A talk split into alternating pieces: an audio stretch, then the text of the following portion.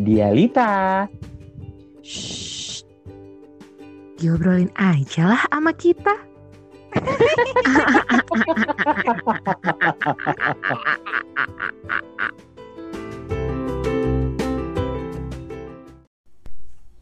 Puasa, puasa sebulan penuh puasa, puasa, puasa wajib bagi yang beriman.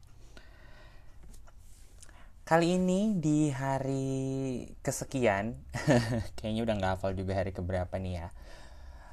Gue kebagian disuruh ceritain soal puasa. Kayaknya banyak banget cerita soal puasa yang mungkin juga nggak terlupakan gitu ya kayak buka bareng, sahur, terus Iya pokoknya segala macam hal yang berkaitan sama puasa itu selalu memorable dan menyenangkan. Tapi ada satu pengalaman atau satu cerita yang gue punya yang sampai hari ini mungkin merubah mindset gue soal puasa. Nggak cuman gue sih, gue dan keluarga gue kali ya.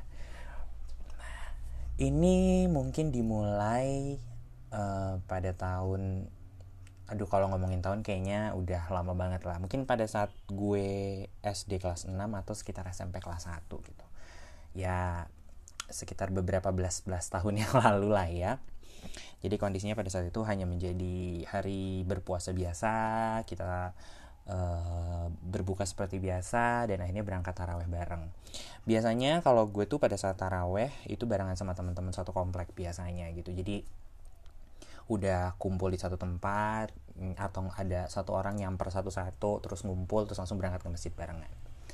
Pada saat itu nggak ada gangguan sama sekali, semua berjalan normal seperti biasa. Uh, kita kalau lagi berpuasa sampai pada akhirnya kita udah beres taraweh sekitar pukul 8 malam semua orang pada pulang nih. Cuman kadang-kadang anak-anak kan suka masih pada main tuh ya.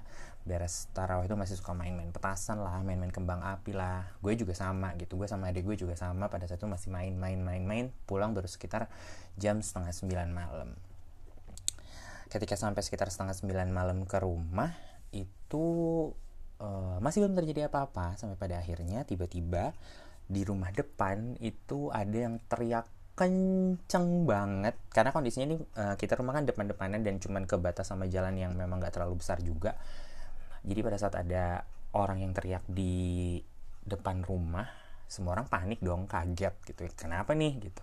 Akhirnya bokap gue duluan keluar lihat ke depan karena kebetulan juga kita cukup dekat juga sama tetangga depan. Akhirnya kita lihat ke depan dan kondisinya pada saat itu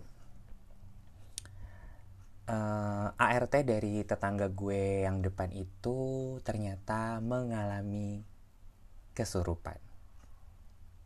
Iya gengs, kesurupan. Jadi pada saat itu gue masih punya mindset kalau misalnya pada saat bulan puasa itu kan katanya setan itu dikerangkeng ya. Jadi gue mikir uh, pada saat itu ya namanya setan tuh kan berarti uh, apa namanya uh, poch-poch atau Miss K itu berarti nggak akan ganggu gitu ya.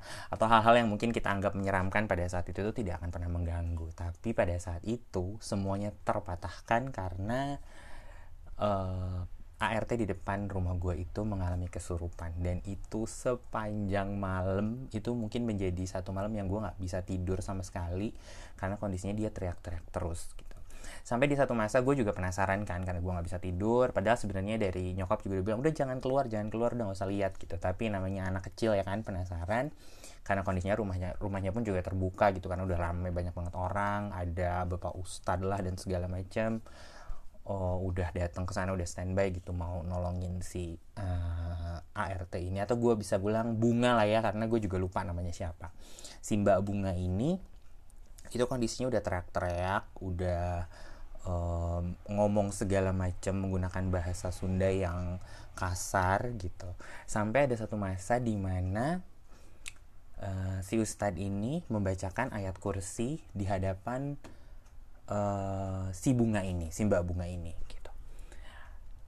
Pada saat si uh, salah satu bapak ustadz ini baca ayat kursi tiba-tiba dia langsung memalingkan muka ke si bapak ustadz itu dan tersenyum menyeringai dan itu kondisinya gue lihat bener-bener persis uh, kondisi uh, di lapangan seperti apa gitu ya. Dia tuh bener-bener mendelik ke uh, arah ustadznya dan tersenyum menyeringai sampai dia bilang kalau dengan bahasa Sunda mungkin atau bahasa Indonesia-nya adalah Allah gue juga bisa dan itu dia bersila dan baca ayat kursi persis sama kayak apa yang diomong apa yang dibacain sama bapak ustadz gue masih merinding kalau nyeritain itu parah.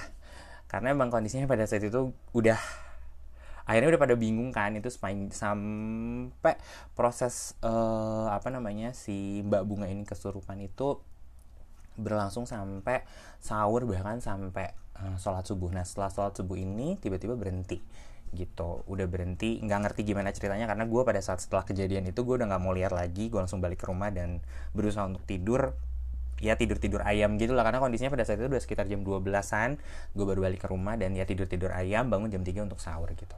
Dan gue keluar pada saat udah uh, sahur itu udah mau subuh uh, simba bunga ini udah biasa aja gitu.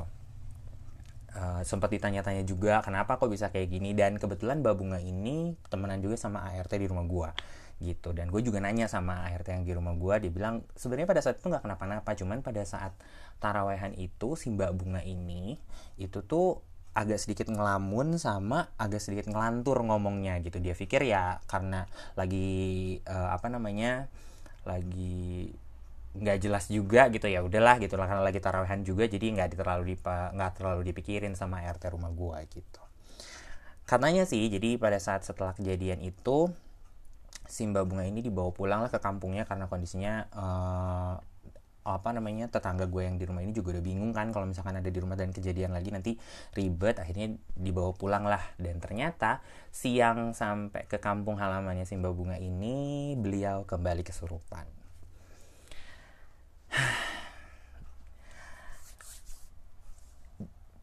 Gue sampai speechless karena bener-bener pada saat itu kejadiannya masih terbayang banget sama gue gitu ya. Seberapa mencekamnya posisi di mana Simba Bunga ini kesurupan dan semua orang sibuk mendoakan dan dia membalas doa doa yang mungkin kalau kata orang kalau misalkan ada apa-apa baca ayat kursi tapi dia melantunkan ayat kursi dengan baik bahkan gitu ya.